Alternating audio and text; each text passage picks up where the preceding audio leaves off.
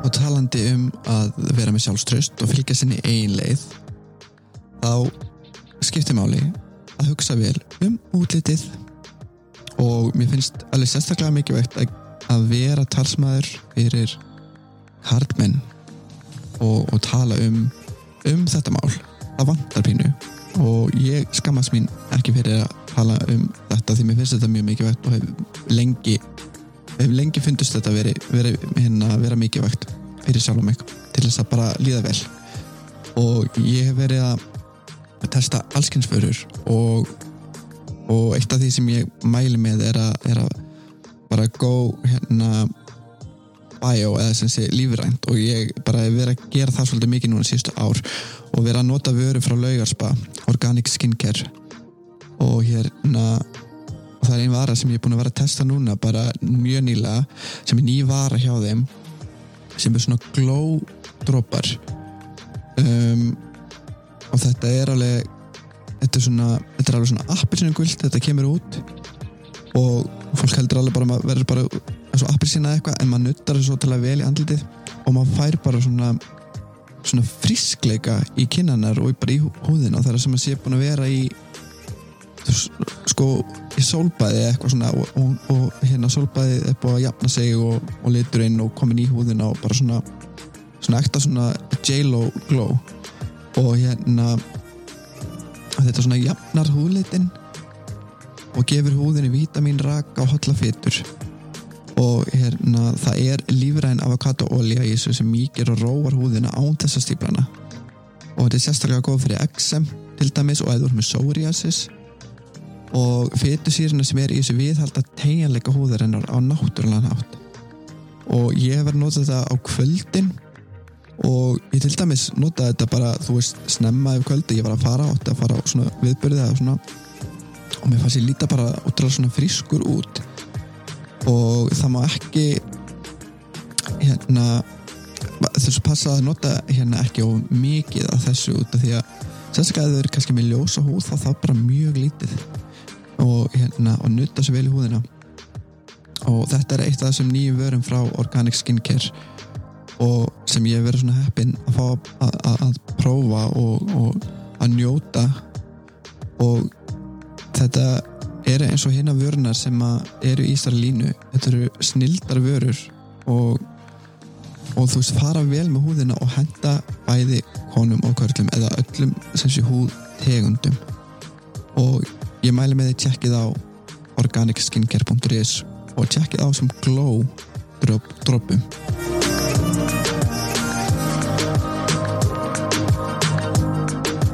Já, velkomin aftur í þín ein leið hér í Nova Sirius podcast stöðarinnar, Nova Sirius studio podcast stöðarinnar uh, maður langar að byrja aðeins á að þakka ykkur sem er að hlusta fyrir að tjúna inn og hlusta uh, þetta verkefni er nýfara að stað og það er mjög ánægilegt fyrir mig að sjá að,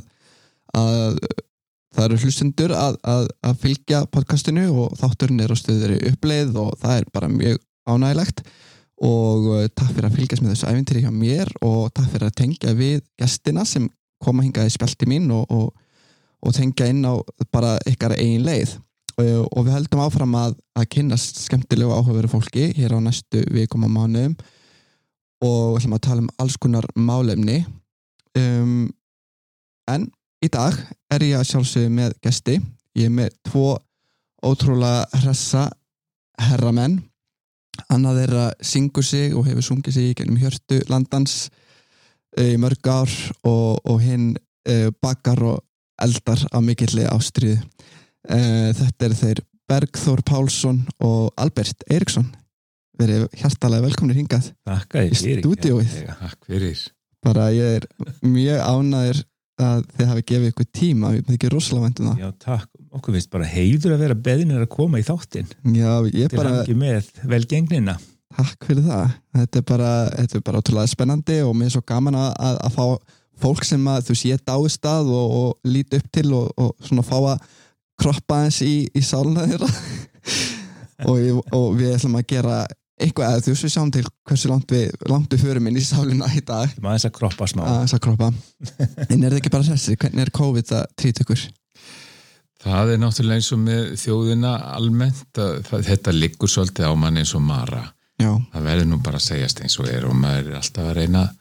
að passa sig og, og verður stundum pyrraður í búðum þegar fólk kemur á nálætnarni og svona hóstar yfir örnar og þess að það. og frussar yfir hann Já, Maður þarf svolítið að minna sig á bara alltaf já, og, og sko grímurnar eru fín áminning já, einmitt en auðvitað þarf maður að spritta og þvó sér og já, passa náðlæðandi á á já. öllum stundum Já, og hanskar eru líka ágætt svona áminning en samt sem áður, ég hugsa stundum um það þegar fólk er kannski afgreða með hanska og það snertir allt sem allir komið einmitt að það eiginlega, mm, það ver engan sko. Já. Ég held að maður þurfi bara alltaf að hugsa með sér ég, ég, að hérna, hugsa með sér að maður gæti verið smitaður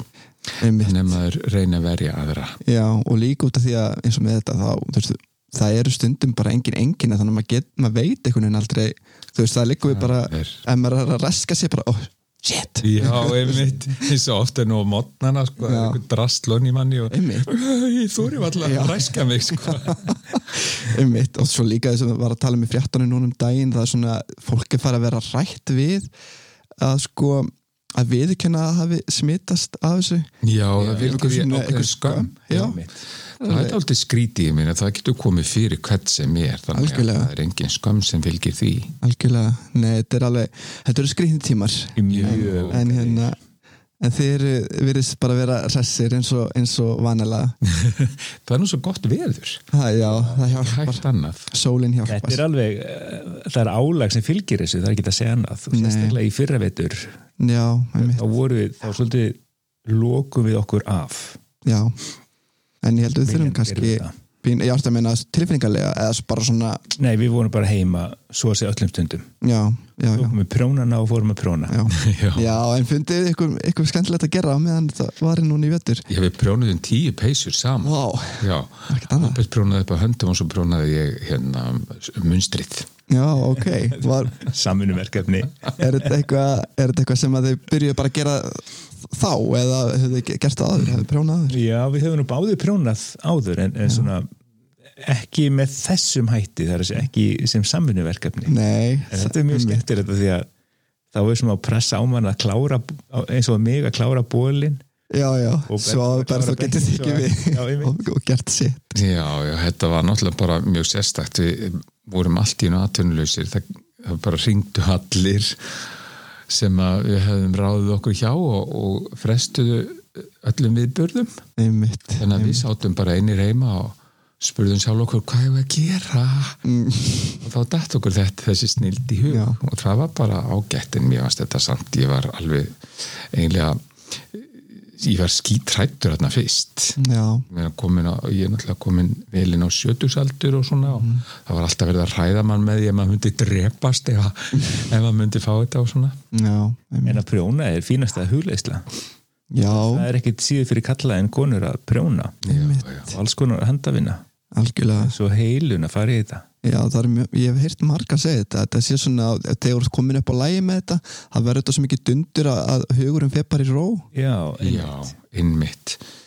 það er kannski það sem hugurinn líka þarf svolítið á að halda Já, í gegnum þetta, gegnum þetta einmitt, ástand já, Nei, nei, eh, hérna, eins og tengdamamma mín ég þekk hana bara því ég sé hana fyrir mér þá sé hana bara fyrir mér svona á fulla prjóna hún er bara, þú veist, Já. stöðut hún er bara að tala við fólk, já þú veist, í stofinu hún er bara stöðut að, Vistu, Það er mjög skrítið þegar þú ert að prjóna þá heyrir í rauninni betur það sem er í kringum þig það er ótrúlegt Já, ég held að það sé það, það verður meiri einbytting mm. um, Ég fór eins og námskeið hjá honum hann að að nú man ég ekki hvað hann heitir, það er svo rosalega langt síðan það var bara því ég var unglingur það var, í, það var svona hugleislu námskeið og þá áttu maður að einbeita sér að andatrættinum og síðan fór maður að einbeita sér að öllum stöðum sem að líka minn kom við þú veist bara rassin á stólnum og fæturnir á bólunum og svo framvegis og maður áttu sem þetta að einbeita sér að þ- þremur hlutum í einu og þriði var já hljóð, umhverfisljóð án þess að þau hefðu neinn áhrif á mann skilur mig, þannig að maður svona ef eh, til dæmis maður heyrði í drukk eh, hérna, já, stórum bíl úti þá ætti maður ekki að hugsa já, þarna fer drukkur, heldur bara hugsa það eins og um, bara hljóð og allar hugsanir sem komið til manns, þú veist, ég þarf að borga einhvern reikning eða hvað sem það var, þá átti að detta niður á, falla niður á jörðina eins og snjókott niður á hlýja jörð. Þannig að, þú veist, um, maður hefði stanslösa einbeitingu á þessum þremur hlutum í einu. Mm. Og hann sagði að þetta gerði, gerði einbeitingunni svo gott. mm, einmitt. Og ég held að þetta sé svolítið svipað. Þú ert að einbytta þér að tveimur hlutum í einu prjóna og hlusta. já, Það akkurat verður bara þetta tvönd og það er ekkert annað sem kemst fyrir. Þetta er kannski oft það sem fólk talar um sem jartengingu. já, Hún er einhverju ró mm, og við vorum farinir að prjóna yfir sjómarpinu já og ekkert mál, maður þjálfast upp í þessu. mm, þetta er svona sem að tala um svona núvit, núvitund Einmitt. það er rosa mikið Já. svona Það heitir ymsum, þetta er kallað ymsum nöfnum. Já. En eru þið mikið inn á svona, svona hlutum svona núvitund, hugleðslu og Og ég hef aldrei almennilega skilið þetta hérna, hugtak að vera í núinu en ég held að smám saman ég sé að uppgötva að það fjallar í rauninu um það að vera ánæður og hamingjusamur með það sem ég hef núna. Til dæmis bara það er mjög notalegt að sitja hér og spjalla já, eh, en það er svo margt sem að maður telur sjálfsæðar hluti eins og bara að fá að sjá, að fá að heyra að fá að komast sjálfur á klósetti, þú veist, það eru margir sem myndu gefa annan handleikin til þess að geta það akkurat og öll þessi forréttindi sem maður býr við e, þau gera mann hamgju saman ef maður er stanslaust með þau í huga fyrir utan náttúrulega allt sem maður þarf að gera þetta í daglega lífinu einmitt, en þetta, ef maður minnir sér stanslust á það þá held ég að það sé svona að lifa í núinu já, einmitt þetta er svolítið svona hljóma svona eins og þakklætti líka pínu að, Já. að minna sig á einmitt að vera þakklættur og vera pínu auðmygt yfir því, því sem maður á já, og hérna ég man allavega að ég tók s- pínu þátt með þér í hérna þú varst alltaf að, að dansa á tímapunkti já, eftir hérna eftir ævintýrið þitt í, í allir geta dansað Já, þáttunum upp á Arnarhóla á mornana Mhm. og það fannst mér rosa hvaðan fyrstu þá hugmynd að byrja á því sko mér finnst já, við Albert fórum reyndar eins og námskeið sem hétt eitthvað svona optimized performance og það er pínlítið svona í ætt við það já, Eh, þá svona eh, hefur maður í huga þakklæti og stolt og tillökkun finnur sér bara eitthvað til þess að vera þakkláttu fyrir og stoltur af Eh, þau geta verið einföldustu hlutir já, og eh, hluti sem maður getur þak- hlakka til í dag og síðan er svo gott að taka dans, bara svona frjálsan dans til þess að losa sem sagt bæði líkama og sál já, einmitt og um, þetta er svona já, þetta er aðferð og fleiri aðferðir reyndar sem að ég nota ég nota stundum hérna, svona möndrur mm sjálfa mig að eitthvað sé að fara að ganga vel eitthvað sem ég hef kannski pínlítið kviðið já, já, eitthvað svona atvik sem þú ert að búað undir þá eða já, notur þá, grýpur þá í það það verið bara, þú veist, erfið jarðaför sem ég þarf að syngja við eða eitthvað svona og uh, ég bara tel í mig sem sagt að, að þetta sé að fara að ganga vel mm. og það er svo skrítið að þegar kemur að þessu að þessum uh, viðburði eða hvað maður á að kalla það að þá svona fer þetta hljóma í höfðun á manni þetta mun ganga vel og það gefur manni styrk einmitt, Mér finnst þetta að hafa svona undanfærið að því að ég tók mér nú til og sótt um að gerast skólastjóri og fekk það starf einmitt, og það er náttúrulega mjög margt nýtt í því sem að ég þarf að læra. akkurat Þannig að, að kvíðin er aldrei langt undan en ef ég nota þessar aðferðir þá gengur allt svo miklu betur. mm. Og það er alltaf merkilegt með kvíðan, maður hugsar oft um það být- eftir á, býtu af hverju varst að kvíða, þetta gekk vel, af hverju eitur orkunni í kvíðan? mm, og bara eittur miklum tíma í að vera kvíðin hefur þið verið með eitthvað um kvíða gegnum árin er, það, er þetta bara svona kannski ekkit alvarlegt heldur bara svona tengt einhverju svona einhverju framkomu eða viðburðum eitthvað svoleiðis Ég veit ekki alveg, ég er náttúrulega, hef ekki reynslu annara Mm. þannig að ég get ekki dæmt um það hvort ég hef errið eða betri en aðrir en eh, auðvitað kemur það fyrir að maður, og þetta eru eðlileg viðbröð auðvitað líkamans og hugans Mm. að hérna að eh, dæla einhverjum hormónum út í blóði sem gerir það að verkum að maður svona setur sig í gang og já, bara fyrir að vinna að verkaninu sem maður er svolítið hrættur við sko og maður má ekki tapa því alveg heldur mm. Nei, getur ekki að manni aukin, aukin kraft Já, einmitt, það getur gefið manni aukinn kraft en, en eh, það má ekki vera of mikið og það má ekki vera of oft en mm. þá er maður komin yfir í þennan kvíða. Einmitt. en, en þú Albert hefur þú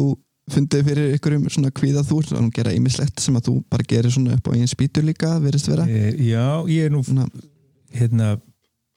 nei, ég finn ekki fyrir kvíða þannig sko Mm. Ég- einhvern tíma heyrði ég að stór hluti af kvíða fólks væri óþarfa kvíði mm, að það væri ástæðlaus kvíði alveg öruglega alveg svona 80-90% væri að við varum að búa okkur til óþarfa Mm. áhyggjur þeir reyndist að vera bara þú veist, ekki vera neitt neitt einmitt, og maður upplifir þetta svolítið eftir því sem árið færast yfir að mm, maður átilega mikla fyrir sér og, og svo verður þetta ekki neitt já, og miklu auðveldar en maður heldur Mér finnst það bara mjög óalgengt að maður sjá Albert svona svitna yfir einhverjum verkefni sem eru framöndan, hann einhvern veginn tekur þetta allt svo svona jafnaðar geð með jafnaða geði, já. Já. Ég þarf meira á því að halda að setja hlutina nýður fyrir mér, mm. skipulegja og vel til sem ég líði vel. en, já, en eins og þá í ykkar sambandi þú segir er gott á að hafa Albert til staðar í ástandi þegar þú ert að taka einhvern Já. yfirsnúning eða þú veist Já, það getur verið mjög gott og mér fannst það sérstaklega svona framan af, ég held ég sé aðeins að byrja loksins að læra já, já. það Mm, kemur hérna, en mér langar þess að segja frá í Já. alltaf dansinum og þessi fór að tala um Arnarhóli já, það er svo hressend að fara út og, og fá útrás úti mm, hver sem hún er, hvort það er dans eða fjallganga Mhm. eða mm og reyfa sig og þessan dansa eða mm, garga bara öskra eins og maður getur einmitt af því maður öskrar aldrei nei, við erum svolítið Það svona er svo mikið- hófstillt einhvern veginn alltaf Mm. það er sem ekki frelsi í því að öskra frá sér já, við fyrir oft í, eða stundu fyrir í spinning og það mm. eru við bara gargandi já, já, bara Mhm. Einmitt. ríkar eitt frelsi sem fylgir því að að fá að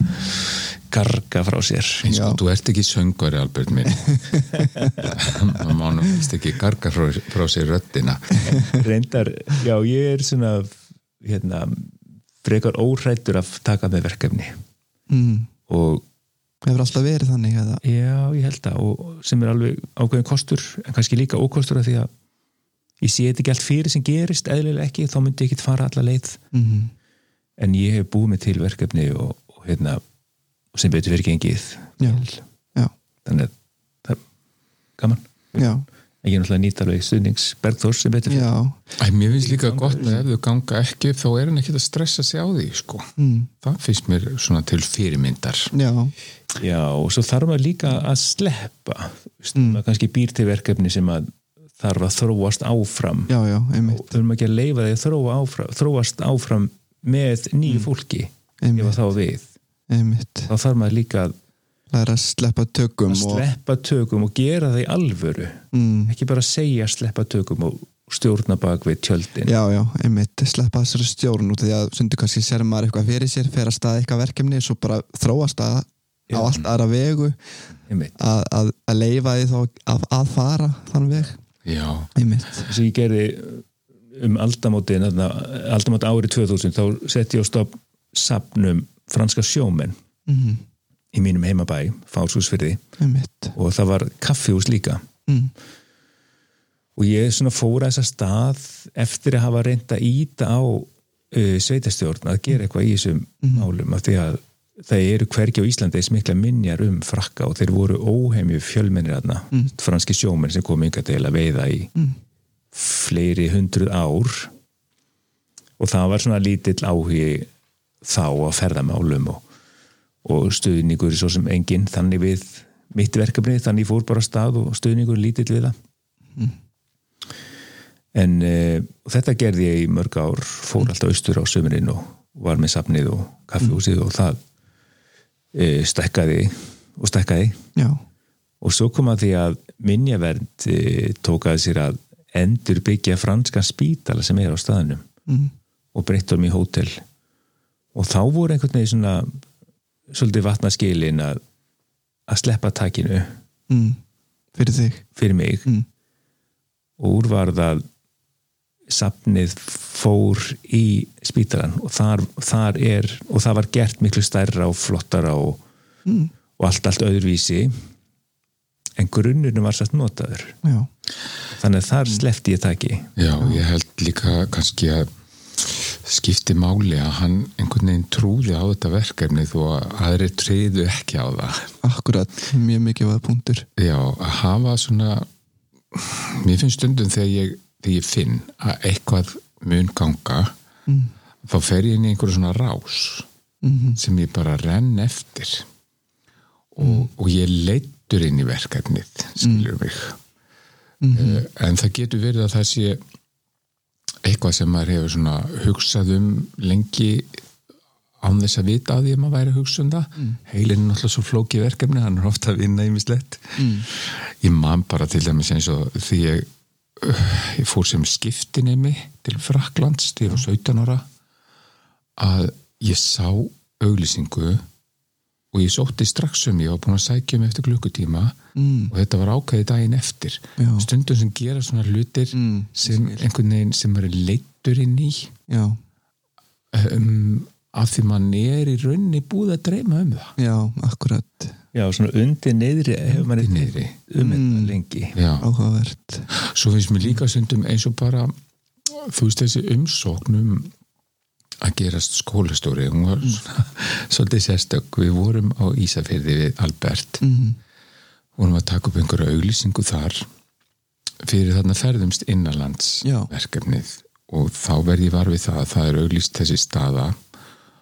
og ég hugsa með mig þetta væri nú góð hugmynd að bara sækja um þetta kannir sínu að því okkur eru alltaf liðið svo vel á Ísafirði já, og svo hugsaði ég með mér vá, ég hef aldrei sótt um starf, ég hef alltaf verið bara svona einirki já eða verið beðin um að gera eitthvað mm, þannig að ég man ekki einu sinni hvar próskýrtinin mín eru úr háskólanum já, en svo fyrir við söður og þá erum við að fara að flytja mm, og erum þá að taka náttúrulega föggur okkar Mm. og pakka þeim og ég fyrir inn í skrifbór sem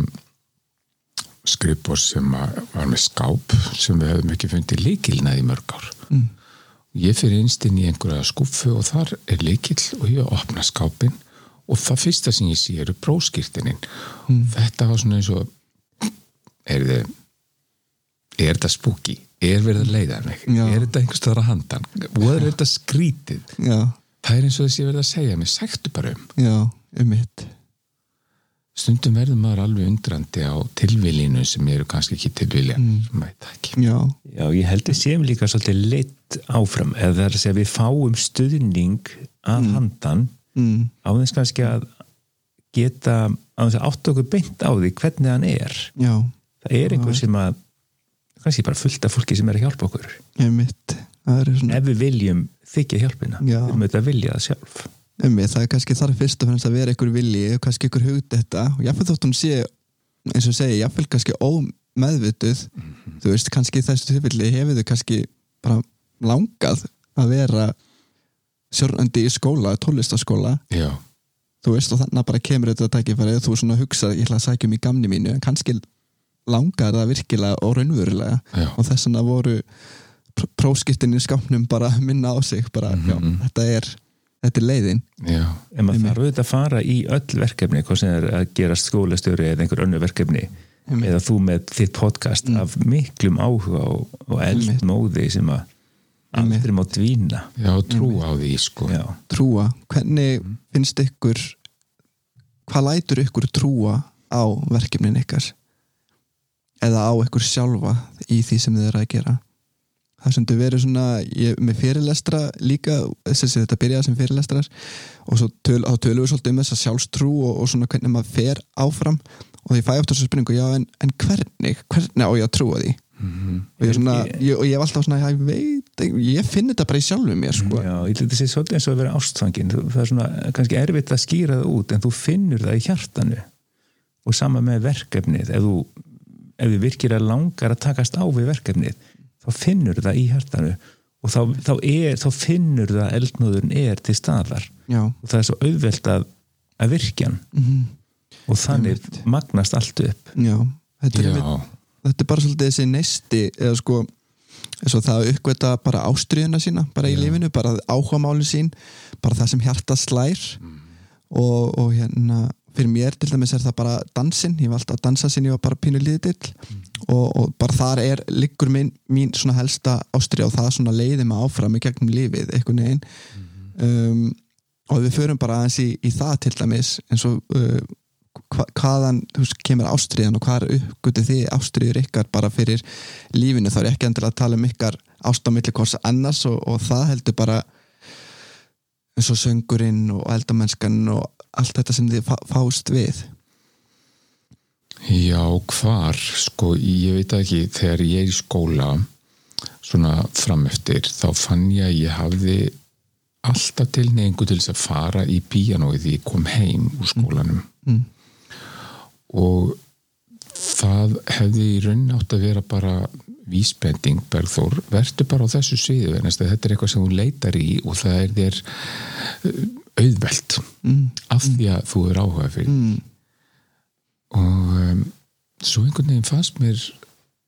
já bara framöftir fannst mér það vera gæti ekki verið annað en bara tómstundastarf fyrir mig og mér fannst Já. ekki kannski vera alvöru starf mm, mm, en uh, svo loksins því ég áttaði mig á því að þetta var leiðin sem, sem einhvern veginn tók upp allan minn huga líka má sál mm, að þá finnum maður að það er rétta hillan. Ég held að séu svo margir sem eru að reyna að streytast við mm, gegn því sem að er alveg augljóst Mm. af því það er of auðvelt einhvern veginn vilja alltaf vera að gera eitthvað,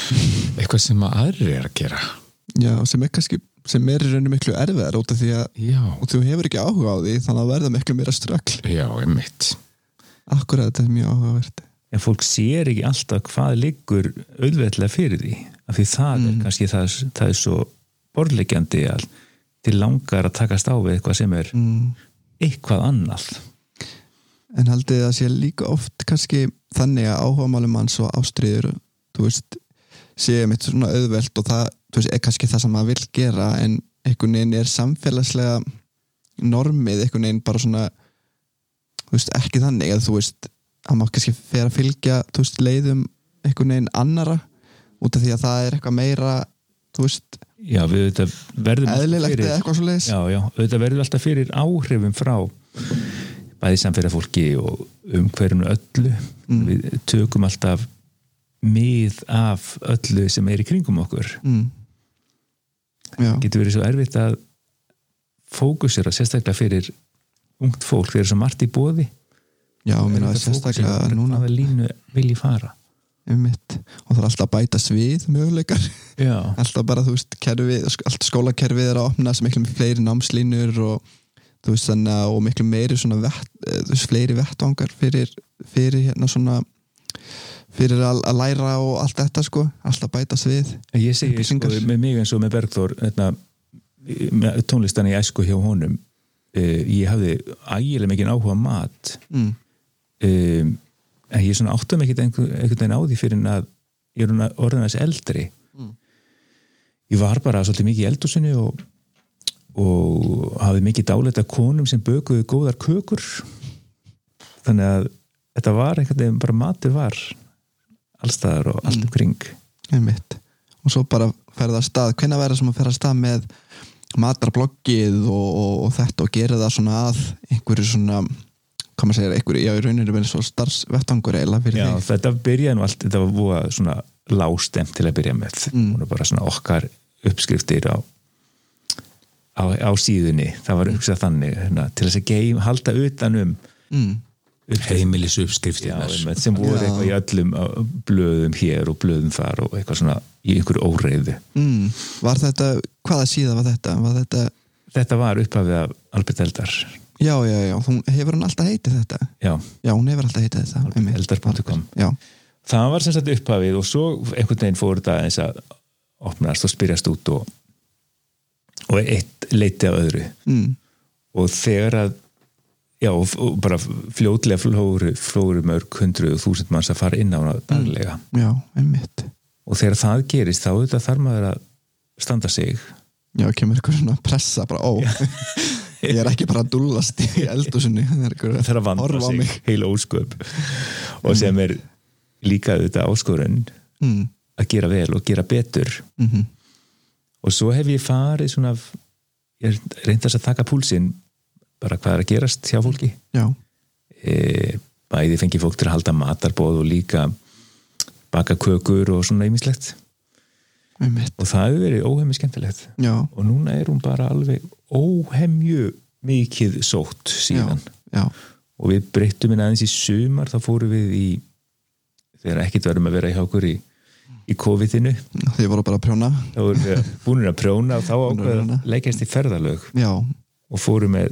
pappa, tengdapappa pappa mm. Bergdórs akkurat staðum landið og, og hérna, f- þá breytist hún svona í matar- og ferðablokk síðu mm, er það eitthvað stefna sem þú ætlar að halda áfram með já, bara svona sjá aðeins til hvað gerist Mhm. það var svolítið ánægilegt að upplifa þetta því að við höfðum ekki það mikið ferðast með landið þó við höfum ferðast með landið Mm. ekkert eitthvað mikið mm, en svona fylst með bæði í kringum áhuga mat og bara áhuga á ferðamálum einmitt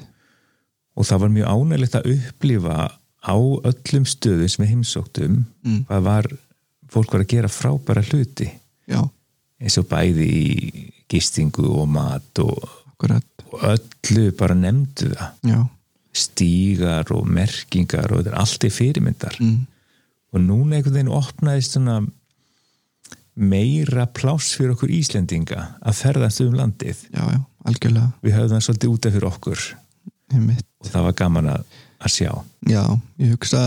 hugsa mjög margir að maður svona tók eftir í að voru margir sem voru að uppgöta bara einhvern veginn landi sitt í fyrsta skipti núna í sumar já, þannig að en þið hafi verið, þið fóru náttúrulega í þetta verkefni svolítið saman, en þið hafi verið að gera ýmislegt svolítið saman eða ekki koma fram saman eitthvað veislustýra og já, já, svona alls konar gert margt saman Albert minn já við vinnum bara mjög vel saman myndi ég segja Já, við, höfum, já, við höfum bæði lag hvora öðrum og, og- mm, og bætum hvorn annan upp já, svo ég segi það bara eins og er já einmitt, en auðvitað stundum, það er ekki alltaf gaman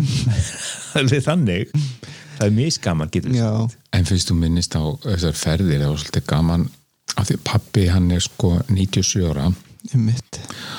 og finnst allt svo spennandi og mér finnst það svo góð fyrirmynd já, og hann bæði náttúrulega þekkir landi vel og, og finnst allt sem er nýtt það finnst honum gaman já sem að maður myndi kannski halda að veri öfugt eða veri, já, því veri öfugt farið með fólk sem er orðið svona gamalt mm,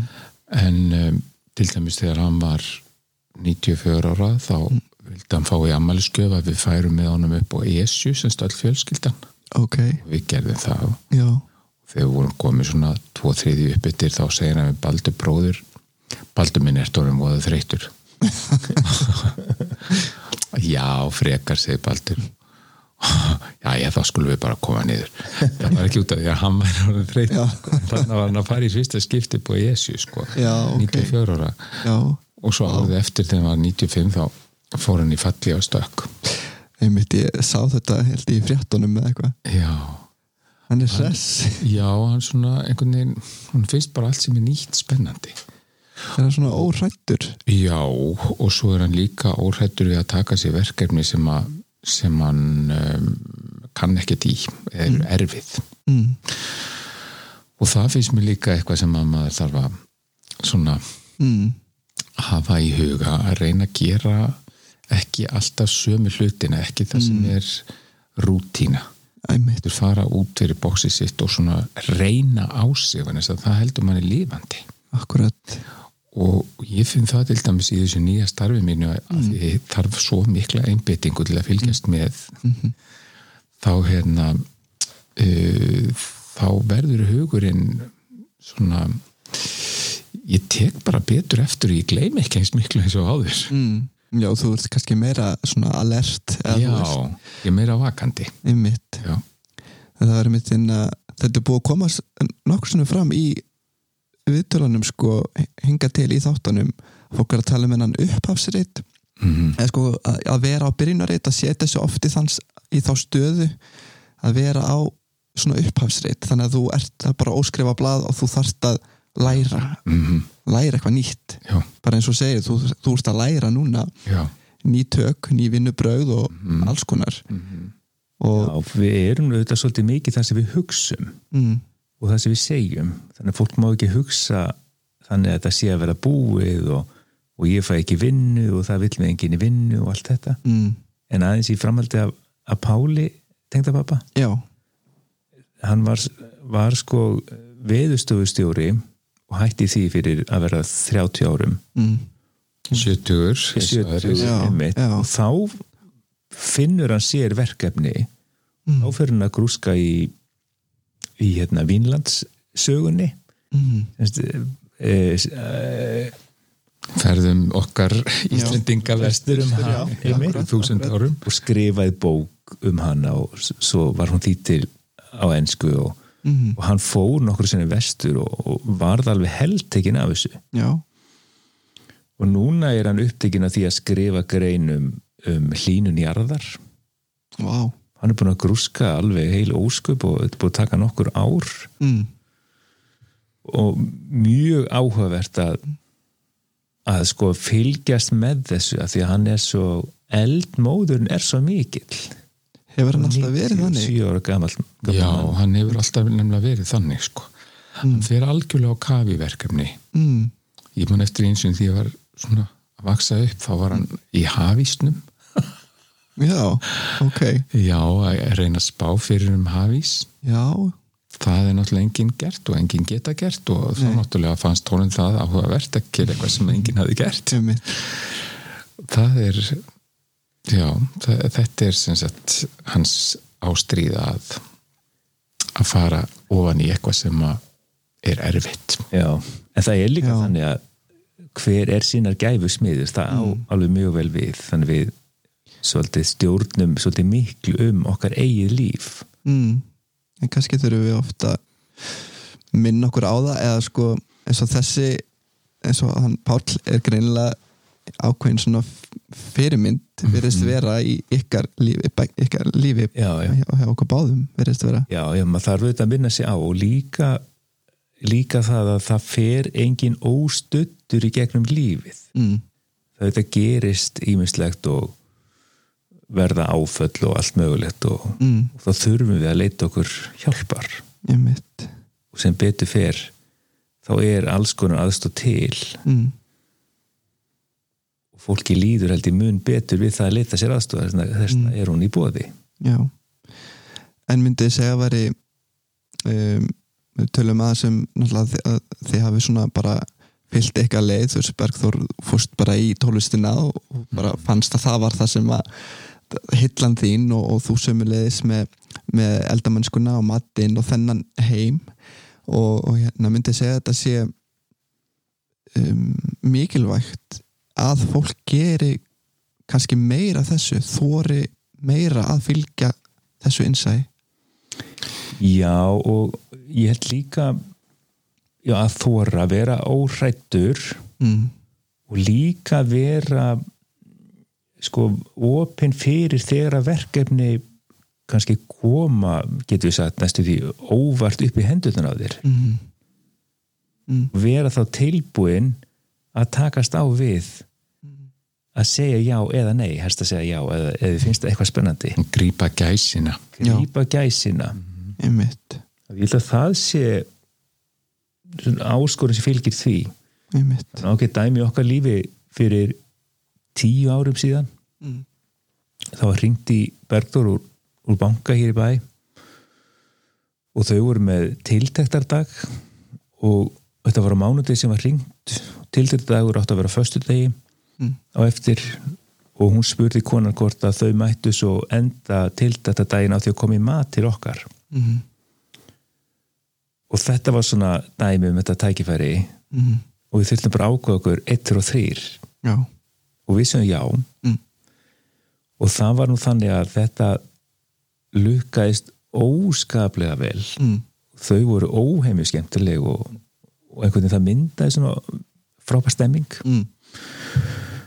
og þetta spurðist út og úr var það við fórum að taka á móti Hún hópum er og búið til svona skemmti kvöld Já. með dagskrá Akkurat, bara heima hjá ykkur þá Já. Já, skemmtilegt og það einhvern veginn eh, já, eins og Albert segir, það kom upp í hendunar á okkur við eins og niður gerðum ekkert í því, mm. Mm. bara Og úr var þetta, menn er þið ekki Þið gerir þetta ennþá, það ekki jú við gerum þetta þá uh, Það er kannski minna nú nota COVID, þetta ekki já reyndar já, já. en ekkert mál fyrir Bergþóra og okkur að skjótast bara í, til borgarinnar og halda bjóða heim og halda vislur Já, þetta mál einmitt En núna kannski eru ykkur breytingar núna á þar sem að þú er komin, komin vestur á Ísafjörð og þið báðir vandalega Mhm. já, þannig að það eru þannig að það er bless við borgina í billi eða hvað, eða verði alltaf manna fótinn hér hafið, sjáu það fyrir ykkur Já, svo leiði sko ég, ég hérna, hef nú verið að hugsa um það maður hefur einhvern veginn alltaf verið haft þá hugsun að það sé svo langt til lýsaferðar já, en svo er það ekkert langt þú veist maður djúpið er svona svolítið gipur sko mm, en já, það er kannski svona fimm tímar, fimm og hálfur tími sem maður er hérna á milli mm, þetta er kannski klukkutíma lengur eldur en að fara til Akureyrar, þetta er ekkert mál nei, þannig að það er ekkert mál að skrepa þetta á milli sko en maður hefur eitthvað hingað að sækja sko já, einmitt nákvæmlega, en við erum búin að fara aðeins í svona ykkar samband, ekki mikið en, en hérna þið eru búin að vera saman mjög lengi, er það ekki? 22 ár bráðum já, Vá, það bætist sífelt í sarpin Já. með árum En hvernig, hvernig kom það til ef við bara förum aðeins í það stuttlega að þið, að þið hófið að vera Ég- saman þetta er nú kannski svolítið í framhaldi af því að grípa gæsina mm, Eh, þannig er að þá áður en þetta gerist þá bjóð ég fyrir austan ég tók frá fáskólsfyrði Ásgrímsfirði, já, bjóð þar og, og vissi auðvitað hver Bergþór var eins og öll þjóðin jú, jú, komst ekki tjá því að, Hún- að vita hver hann var og mér fannst maðurinn óskaplega myndalegur hann er hættu og hérna og fannst mikið til hans koma og og eitthvað svona og ég var samt var búin að ákveða það einhverstun innst inn í að ef ég myndi hitt hann þá ætla ég að gefa mig að tala við hann og, og bara segja honum beint hvað mér þætti mikið til um hann og eitthvað svona vissi ekki alveg hvernig ég ætla að orða það það myndi bara gerast ef ég myndi hitt hann og svo gerist þetta í januar 1999 að ég er stattur í Reykjavík mm, og er á hverfisgötunni er svona býðið til að fara í götuna og sé bara svona 5 metrum frá mér að Bergþór sjálfur Pálsson er að býða eftir líka að fara yfir götuna já, ok þá var alltaf að rökkvað að stökkva Örlögin skárist í leikin Viltu taka við núna Bergþór sko ég fann allt í einu að það var einhver maður sem stóð óþægilega nála mér Þú ert ekki 5 metra nei, þetta var sko Það var ekkert COVID í gangi þannig nei, það er ekkert góðið í gangi og ég, og ég lít, lít við og þá er hann alveg skæl brosend og segir, ert þú ekki Bergþór Pálsson mér er alltaf langað til að kynast þér og þannig hófst hann og ég bara bauð hann í kaffi og af því sá hún leið að þetta var bara mjög já, næs náungi sko Mm. en þ- hérna ég get nefnt mér dettur í hug í þessu sambandi að þá er ég eitthvað, um, ég veit ekki ferdugt að ég er svo lítið inn í aldri mér finnst bara allir vera á saman Mm. Allir aldri eru bara- einhvern veginn, já. allir eru bara. en að minnsta kosti var ég farin að hugsa þá mér langar ekki að vera einn það sem eftir er mm, og ég var svolítið mikið í leit um, og það stóði eiginlega á ennin á mér er einhver hérna sem vill vera með mér það sem eftir er og, um, og það gekk ekki upp mm, svo fór ég að hugsa með mér heyrðu, byggðu frekar sjálfnaði bara upp mm, ég með, þess að þú sért ánlaður já, í þínu eigin skinni og getur þá verið einn ef að það kemur til akkurat og þegar það var komið það ferli var komið í gang þá fór ég að slaka á og þá Mm. einhvern veginn bara komið þetta tækifæri upp í hendurnar á mér skilur mm, án þess ég væri að reyna á mig maður reynir stundum of mikið á sig að fá aðra til þess að gera eitthvað sem maður langar til mm, og maður er að rembast eitthvað já, sem er litlum árangri og svo leðum Mm. að slakar á þá gerast hlutir akkurat við þetta varum mitt, við rættum þetta hún Svala Björgvins var síðast á þetta mm. og hérna eða þar síðast og hún talaði um, um svipað hluti sko já, að þegar hún var orðin, orðin sátt hún var bara sátt við að vera ein að það bara byrstist ykkur fígur í lífinu Mm. sem að, þú veist, sem áttu bara að byrstast já, og hún var tilbúin að taka við Einmitt. þessari góðu mannesku og kannski átta líka við í öðru í lífinu, ekki bara ástina kannski líka bara svona tækifærum já. vinnutækifærum og, og, og, og slíku sko Mm. ég held að þetta að vera svona hjá okkur báðu við vorum mm. einhvern veginn á þeim stað að við vorum tilbúnir fyrir hvern annan Mm. við vorum ekki tilbúnir fimm árum áður eða tíu árum áður Nei, einmitt tilbúnir fyrir ástina já, tilbúnir, elska og vera elskaðir. já, já, tilbúnir fyrir hvern annan já, akkurat en hvað er það núna, þess að segja 20 og hvað, 2 ár hvað er þið búin að hvað hefur sambandi kent ykkur ég held að hann er fyrst og fremst e, þroskað okkur og þróað og, og bætt Mm. og svo þetta myndast e, svo mikið traust og trúnaður eftir svona langan tíma einmitt af því að þetta maður getur sko maður deilir auðvitað öllu með maka sínum mm. deilir gleðinni og, og sorginni og þú tekur þátt í öllu með maka þínum Mm. já, og svo þarf maður náttúrulega líka að læra að tveir einstak- einstaklingar eru tveir einstaklingar Mm, akkurat. geta ekki verið alltaf á sömu brautinni Mm. og ég finn það með mig sko, hann hefur svolítið öðruvísi tempo heldur en ég Mm stundum vil ég láta hlutina ganga núna eða bara í gær já, hann er svona róleri yfir því og, og uh, gerir bara ráð fyrir því að þær hefnist skilja já, já það er það er svona dæmi um eitthvað sem maður þarf að laga sig að já, akkurat en svo eru þetta engin gallalaus og við erum það ekki heldur mm. en maður læri kannski að svona umgangast hvorn annan með, með árunum einmitt og svo giftum við okkur fyrir hvað fjórum árum rúmum mm. og það er kannski ákveðin yfirlýsingum að maður ætli að viður kenna bara galla hins og, og, hérna, og vinna með þá eins og þeir eru Svolítið skemmtilega orða, ég held ég hef aldrei heyrt svona hjónaband orða, bara, við, núna er ég að viðurkenna Galla Bergþórs hér fyrir Þessi- saman fjölskyldinu. Ég er þeir eru ekkit margir sko, ég er ekkit að segja þannig Nei, ég er ekki að meina það þannig. ég er eiginlega sko. En þetta- galla laus Já. Sjálfsögðu. Nei, en, en hérna, en gaman að heyra, uh, en þú veist, eins og eitthvað samstarf, svo þegar þið komið saman, þú veist, finnst ykkur ekki skipta máli að í þessu samhengi að, að styðja við kon annan á sikkori brautinni þú veist, að vera til staðar í, í hans viðbyrðum og, og, og, og söngferli og, og sömulegis Jú, ég held að það sé mjög algengt einmitt með eh, hérna, svona pör sem Mm. eru á hafa mikið umleikis hvort um sig sko. Mm.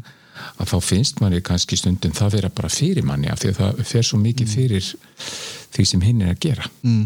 einmitt í stað þess að hérna, styðja við á Mm. hafa virkilega áhuga á því mm, einmitt en svo þarf fólk auðvitað líka smá svona e, tíma fyrir sjálft sig einmitt Má ekki- maður má ekki límast alveg við maka sinn þó hann sé dásamlegur mm, og eiga aðeins svona smá stund annarkot með strákonum eða með stelpunum eða hvað sem þetta er, hvað sem þetta heitir Albert býður gerðan hérna, vinkonum sínum í kaffi já, Já. eins og það var einhver að segja byrju, hvað er orðið sem þú segir oftast og ég fór að hugsa um Albert, já hann segir örglega bjóð, bjóð í kaffi bjóðu ekki já. það er, það er orðin sem hann notar oftast en með það er líka bara, eins og þú segir varst bara hugfanginn af konu sem gerði kökur og bjöði kaffi og þetta sko já, já. já, annars er það þannig núna hjá okkur að Bergþór hefur verið meira fyrir vestan þetta er ég mm, og sem er eh, Mm. sömuleiti ágætt þá finnum maður hennan söknuð já, Þá er svona hverstagslegir atbyrðir verða svona Mm. að fyrir að sakna þeirra einmitt og það er voða ljúft að finna að maður saknar já, einmitt þá verður tilökun eftir að hýtast af já, akkurat ég hef upplifað það svona með mínum mín, með mínum maka svona fjarsambönd sko, það Já. er bara held ég styrst, styrst okkar samband sko ef það er ekki oflámt sko já mitt og maður líka, ef maður er að hittast alltaf einn reglulega sko já, mm. hvað var Ingi Björg lengi í festum Mm. hennar, já, hans Jóns, Jóns Sigursson að fórseta 12 árið eitthvað hún var einum of lengi held ég, ég er ekki viss um að það sé Já, það mörg er það. sambönd sem að lífa það af. einmitt en hérna, en svona áfram bara um að, að fylgja eiginlega í lífin og þetta, þú veist um, við t- við tölum nú aðeins um þetta að ha- þarfst að hafa trúna þú veist, er það kannski galdurinn við að fylgja eiginlega hvað myndi segja að væri galdurinn við að, að fylgja eiginlega í lífinu Já, bæði trú og, og smá þrjóska held ég, ég bara mm. sem, nefnt sem dæmi því ég var 60 Mm. þá langaði mig til þess að bjóða bara allir þjóðinni í ammali mitt já, bara svona sem þakklæti svott mm, og ég vildi hafa það alveg eins og því ég var 50 þá hafði ég fengið ímsa söngara svona sem hafði komið fram með mér já, og þeir tók allir með mér duetta og þá Já. var allir svo bara ánæðir eftir þetta ammali mm, og sagði þú þarft að endur taka þetta einhvern tíma og þá myndaðist svona kviknaði þessi hugmynd um að ég ger þetta bara því ég er 60 og það er bara að bjóða öllum já og það fannst öllum þetta svo fáránlega hugmynd þetta gerir enginn það heldur enginn ammælist tónleika og bara selur ekki inn nei, ég bara vildi gera þetta öðruvísi, mm. langaði til þess að bjóða í ammæli mitt, já, en ég vildi ekki selja inn í ammæli mitt nei og þetta átti ekki að vera svona eins og hefðbunir tónleikar heldur bara ammæli mitt já, og þetta var svo skrítið fyrir öllum mm, og ég þurfti svona bara að taka stjóran og trúa á það og hugsa með mér, ég ger þetta samt mér er alveg sama hvað öllum öðrum finnst mm, og það einhvern veginn gekk upp þetta var þetta, kannski svolítið bratt, þú veist, ég pantaði hörpu, já eldborg og dugar ekkert minna Nei, það duði ekkert minna og og svo vissi ég ekki alveg hvernig ég átt að ég gæti náttúrulega ekki komið allri þjóðinni inn en ég ákvaði að hafa að fólk getur panta sér miða það er náttúrulega bara ókipis miða til þess að það fengi sko örgulega sæti mm,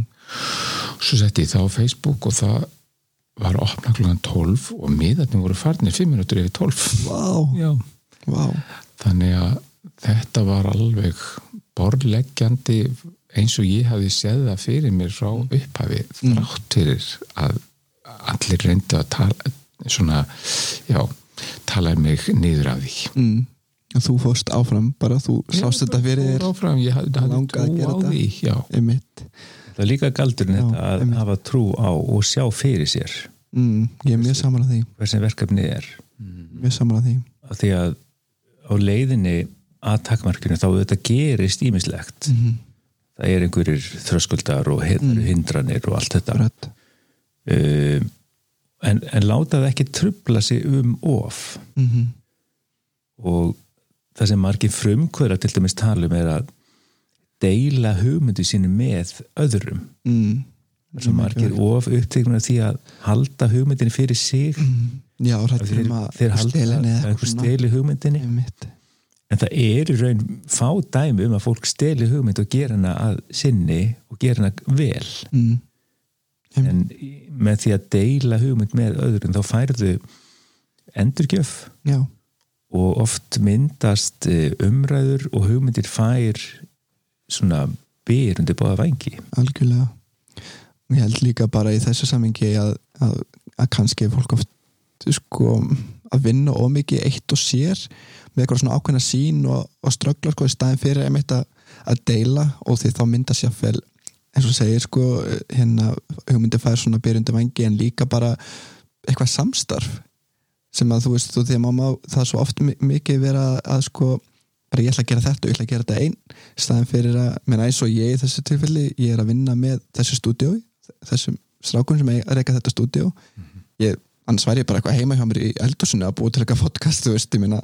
já, en þú veist það þarf að, þarf að opna á að, að hleypa öðrum inn í, inn í verkefni sín líka sundum þannig að það er oft styrkur að því Mhm. algjörlega, algjörlega Já, og líka jafnvel að koma sér inn í umræðu hópa eins og til dæmis hérna e, þann sem fólk kemur saman og deilir hvað er að gerast í lífið þeirra með mitt í svona mastermind hópa mm. kallar flestir held ég mm. mjög öflugir og mikil orka í svona hópum Mm. já, þá tala maður og, og hérna, hugmyndirnar fá orð Mm. akkurat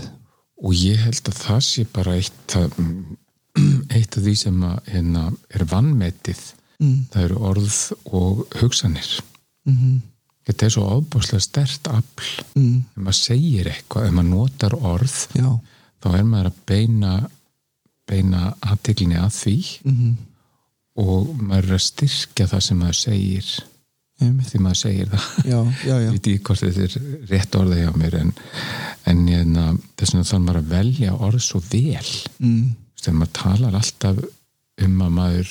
manni mistækist alltaf eitthvað Mm. þá gerist það vegna sem maður er að kalla það til sín akkurat og ef maður talar alltaf um að, að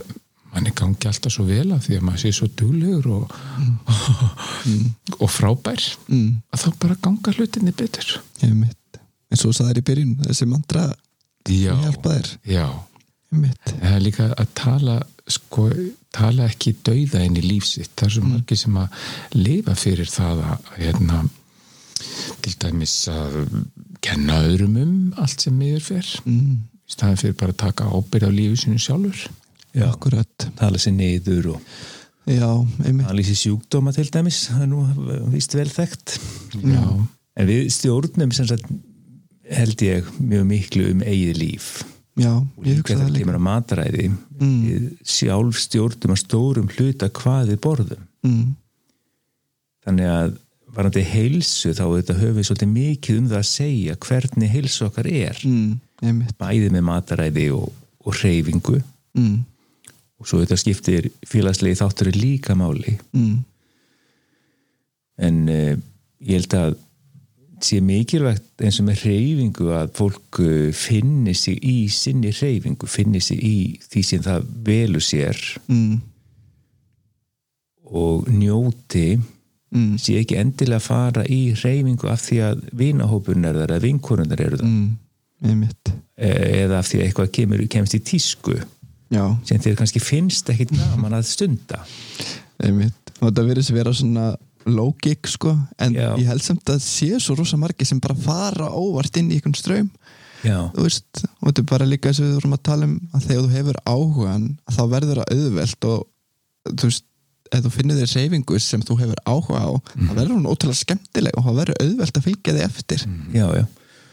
og líka það að auðvitað breytast, við breytumst ár frá ári og það sem þú hefur áhuga á í ár á kannski ekkit við þar sem er reyfingu á kannski ekkit við eftir fimm ár einmitt, þá er fólk var að gera eitthvað allt annað einmitt þú eru nákvæmlega, bara að grípa gæsina þegar hún gefst Já. þá það er það er þ- þema þáttarins að grípa, grípa gæsina í ástinni og, og, Einmitt. og öllu öðru já, annars með mat við hún er svolítið verið hérna, ímsa fjöruna sopi þegar kemur að mat já, ert þú ekki svolítið mikið fyrir að prófa alls konar Jó, við höfum líka verið að prófa á sjálfum okkur mm, svona áhrif, hvernig, þetta- hvað áhrif þetta hefur á, bara á ykkar líðan Já. svona, svona, já, ég kem úr sveit og þar var mikið nú, eðlilega borðað kjöti og mm, drukkið mjólk og, og sem hefðbundu gömlu landbúnaðar afurðum mm, og svo var það þannig að við ákveðum einhvern tíma að gerast græmitisætur og fórum vegan, það var nú alveg það er komið já, alveg þangað alveg 17-18 ár síðan það var Já, ok. það var svolítið kjölferð því að Sónur Bergþórs bjó í útlöndum og, og prófaði eftir að hafa farið til læknis að gera skræmitisæta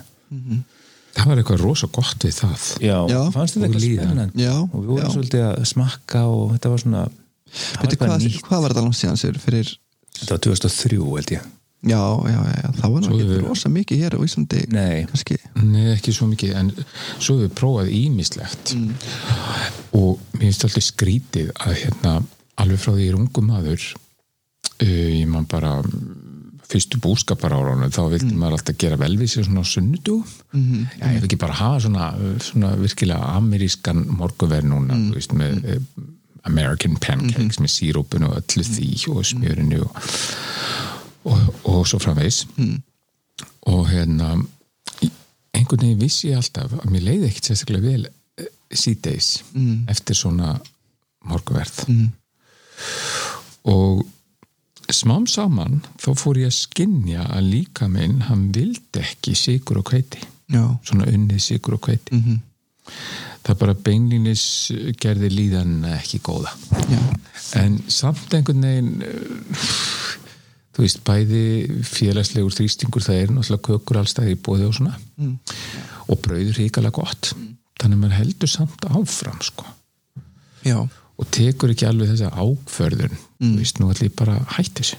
Mm. Einmitt. til sem ég líði betur já, það er mjög Samt skrítið að maður veit skulle maður. já, samt veit maður það já, einmitt. en við höfum verið að prófa okkur áfram núna með ákveði mataræði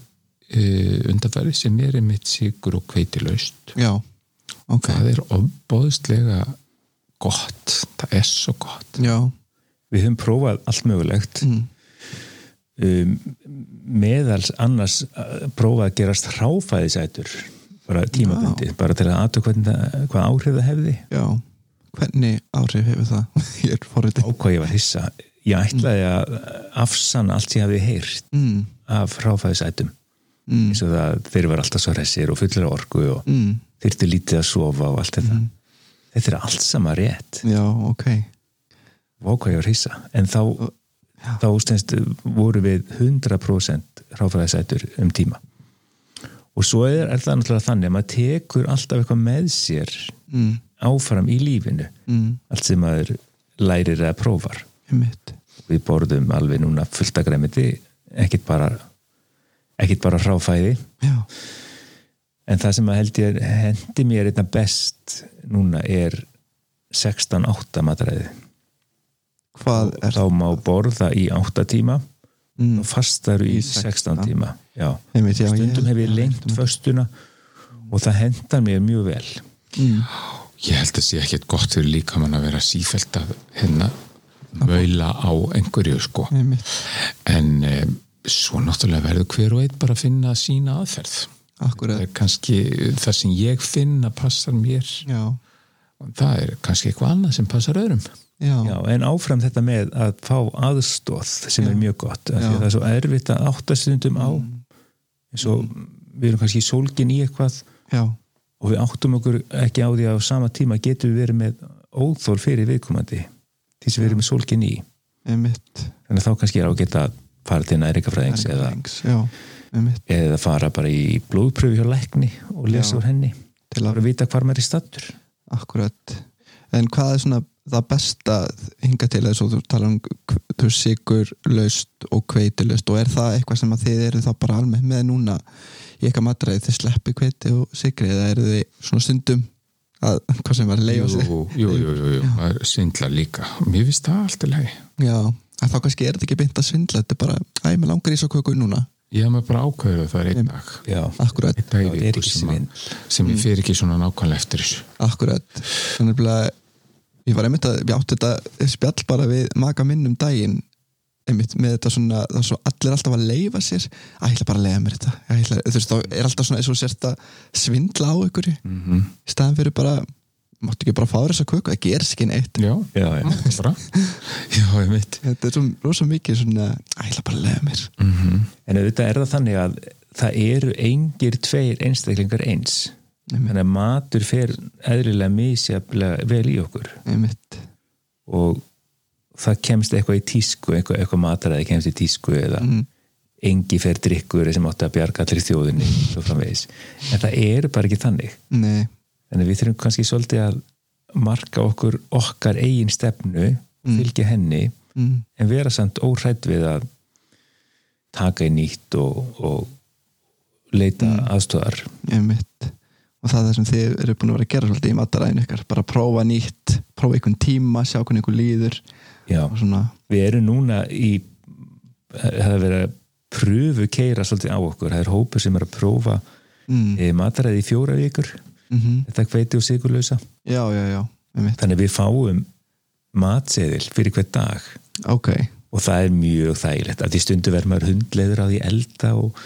finnst maður að vera að gera alltaf það sama já hvað á að vera í matinu já, þannig að fær maður það bara beint í tölvuna já, einmitt hvað, betur, hvaða hópur er þetta? er þetta bara, er Elisabeth reynistóttir næringafræðingur Já, já. er búin að vera að þróa þetta kerfi mm. búin að vera að prófa það áfram og nú er hún að prófa það á stærri hóp já, já, já og svona fínir sér að þess já, og þá er þið þá að deila eitthvað reynslu og svona hvernig ykkur líður og já, einmitt, hittum hana og að hún, hún spyr og spyr hvernig, hvað er að gerast í líkamannum og Já. svona veitur okkur til þess að fylgjast með áhrifunum mm. semst ekki bara á þessu programmi heldur alltaf e, áhrifum á því sem við erum að innbyrða Mm. hvað er að gerast í líkamannum Hver, hvernig svarar líkaminn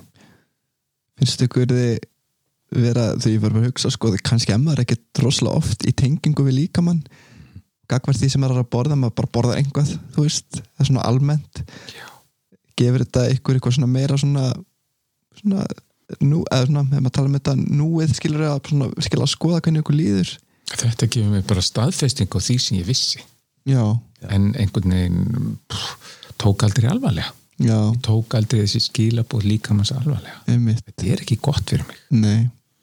einmitt þessi er bara allt og algengt Já, ég, ég tengi rosalega mikið við þetta akkurat sko kveiti og sigur Mhm. ég bara, en emmitt eins og þú segir ég er einhvernig bara svona, æ, og svo einhvernig kannski dæn eftir er ég bara búin að gleyma, ég er bara mættur í barnavislu með 300 skúfukukur, þú veist já,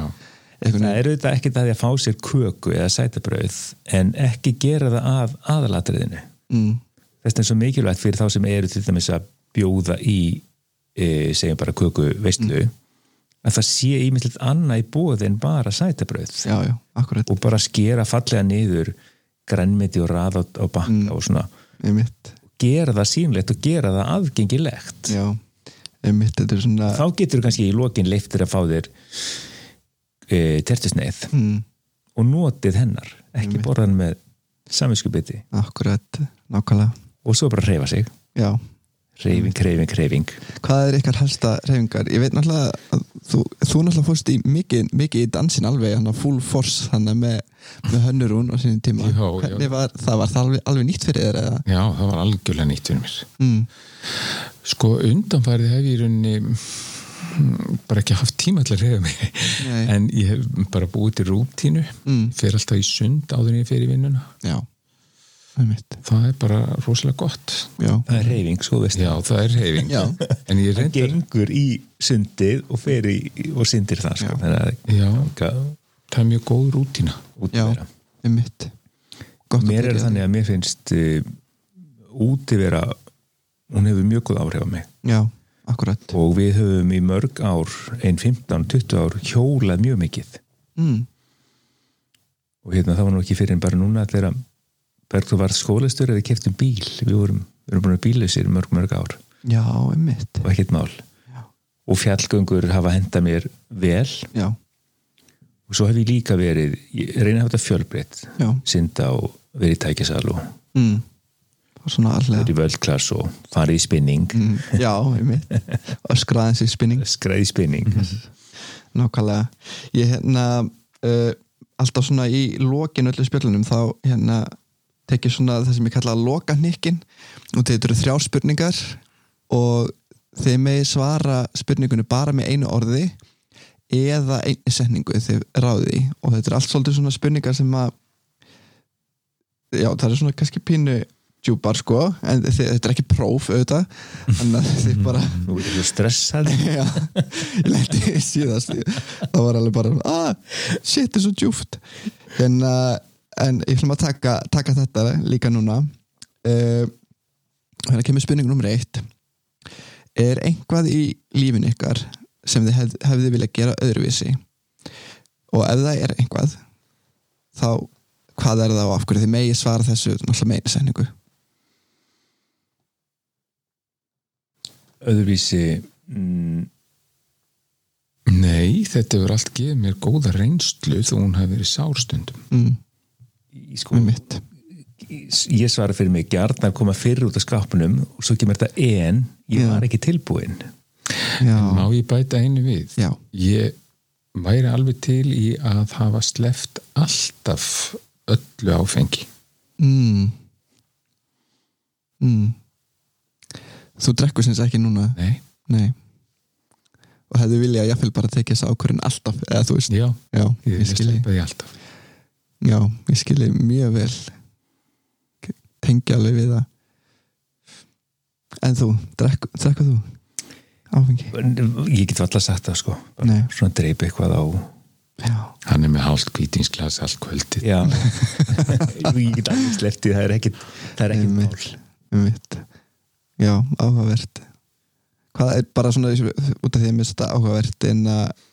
hvað finnst þér, hver- hver er uh, þessi kostir sem þú finnur af sessi að vera áfengislaus og þú talar um að þú vildir hefði fyllt ekki ákvörðuna fyrr bara þau vond áhrif á líkamann já, þurka líkamann mm. og uh, ef þú drekkur aðeins og mikið þá manst ekki alltaf alveg sko hvort að þú sagðir það sem þú vildir segja ég svo framvegist að það er bara svo marga kosti, þú getur alltaf keirt mitt ég mitt, ef þú drekkur ekki og svo framvegist það er bara, það eru óendanlega kostir Já. ég sé enga kosti við að drekka nei bara enga og ég fylgist svo oft með því þegar fólk svona fyrir að finna á sér já, þá er það oft svona mjög skemmtilegt til að byrja með já, en svona svo upp úr því mm. þá finnst því sjálfu að þessi er rosa skemmtilegt en engum öllum akkurat ég mitt og það langar mig ekki, í- ekki það ást mm, einmitt ég hef stundum sko tekið mér þú veist, ég hef alveg tekið tvisa sinnum heilt ár í svona pásu bara veist, og svo byrja ég bara aftur bara svona, æ, núna er liðið ár og núna bara fæ ég mér aftur og svo finn ég alltaf þegar ég byrja aftur bara svona, af hverju þetta er ekkert skemmtilegt, Nei. sérstaklega ekki daginn eftir einmitt þú veist sérstaklega í daginn eftir það er alveg bara svona einmitt og maður fer að hugsa sko, beti, hvað var ég eiginlega að segja bara ég man ekki alveg hvað ég saði eitthvað svona, því þetta er svo svo asnalegt að maður mun ekki hvað maður, hvað maður var að segja eða gera eða eitthvað en, eh, en sem betur fyrir mér finnst vera aðeins meiri umræðinu núna að ungt fólk sé að sé sé ekki að byrja að drekka eða svona, mér sé alltaf vera svona að heyra meira meira af því já, í kringum mig sko já, já, saman Þannig að, en já, þetta er áhugavert uh, en spurning nr. 2 er hvað, hvað er það sem þið viljið skilja eftir ykkur í lífinu, hvaða arfleð Mm. Vá, þessi er svakalega djúb Vá, hvað hún er djúb um, Já, ég myndi vilja óskað að um, afkomendunir hugsu með sér að ég hefði komið vel fram við þau mm, og helst bara uh, svona allir sem ég hitti ég mitt Mm, já, ég held að sé sko, ég held að sagan dæm okkur mm, þannig að þannig semst að hugmyndin er að við stöndum okkur vel á meðan við erum lífandi mm, og svo dæmir sagan mm, Afrikin mm, mm, mm. bara einsetning bara einn setning, já, einmitt Þetta, var- þetta var einsending já, þannig að vera standa sig vel já, vera duglegur já, standa sér vel auðvitað í öllu sem maður gerir mm, og vera undirbúið sem sem maður getur og, og læra líka af mistökum mm, ég mitt af því að það gera allir mistök mm. ég mitt í lítur og stór Já, og við verðum auðvitað betri við það að læra af okkar eigin mistökum og líka af mistökum annara mm, einmitt Hvað finnst ykkur með að bæta mest í mannlegri hegðun almennt? Bara hvað myndi vilja sjá meira af bara í s- samfélaginu bara í, í samskiptum sem sagt já, bara svona í mannlegri framkomu ég held að hérna skipti rosalega miklu máli að koma reynd fram mm -hmm. þurfum kannski að passa það betur mhm. Þetta tala um svona reynskilni já, Já, já vera reynskiptin mm. og skýr Já einmitt, þetta er líka bara svolítið svo að tala um áðan sko orðin, að nota orðin sín rétt Já, einmitt, maður heldur ofta að fólk hafi skilið mann rétt Mm. af því maður er að hugsa afgangin akkurat, kemur ekki allri, allri hugsunum á framfæri einmitt Já, ég held að um, það er þetta erfitt að þjappa mörgu í eina setningu mm. en uh, oft er maður er oft svo reyður Mm.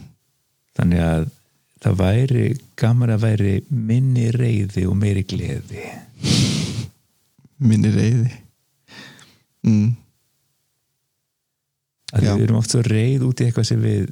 fáum ekki breytt Mm. kannski er þetta einhver er líka sem svolítið að svona sjórsemi já, kannski einhver, það er einhver umferðin sem gefur ekki stefnuljós já, já, og maður er svo reyður inn í sér já en það besta sem að gera sjálfur er bara að vera til fyrirmyndar og gefa stefnuljós alltaf Já, og taka ábyrð á sjálfum sér af sjálfum sér, akkurat einmitt ég held að, að þetta voru góða pælingar hann í lokin sett ég ykkur aðeins svo mikið á hérna bara, upp að vegg, já, já. en hérna það var mjög ánægilegt að spjalla við ykkur ég ætla ekki að, hérna, þegar maður getur alltaf að spjalla svo endalaust sko, ef maður fer út í svona djúb, hérna, djúb samskipti og svona, en það var ótrúlega ánægilegt fyrir mig að hitta ykkur ég ætla að kanna svona lítilega við ykkur og gaman að fá, gefa sér tíma og horfast í augu og spjalla aðeins og hérna og við bara ef að fólk vil fylgjast með Albert þá er bara alberteldar.is eða .com .is eða punktur i- eða punktur eða punktu .com Já. og svo Bergþór náttúrulega bara hann er á fullu fyrir vestan að- að að hérna undurbúa tólustafólk framtíðarinnar, já, já. eða ekki? Þannig að núna tekur bara við Ís- ISO hjá ykkur, já, spennandi og ég er bara að minna á að, að, að þið getur fylgt mér á Instagram og, og hérna spyrt mér spurninga og endilega deilið því áfram það sem ykkur fannst áhugavert í, í e, spjallinu og í þættinum og ég verð hérna aftur í næstu viku Bless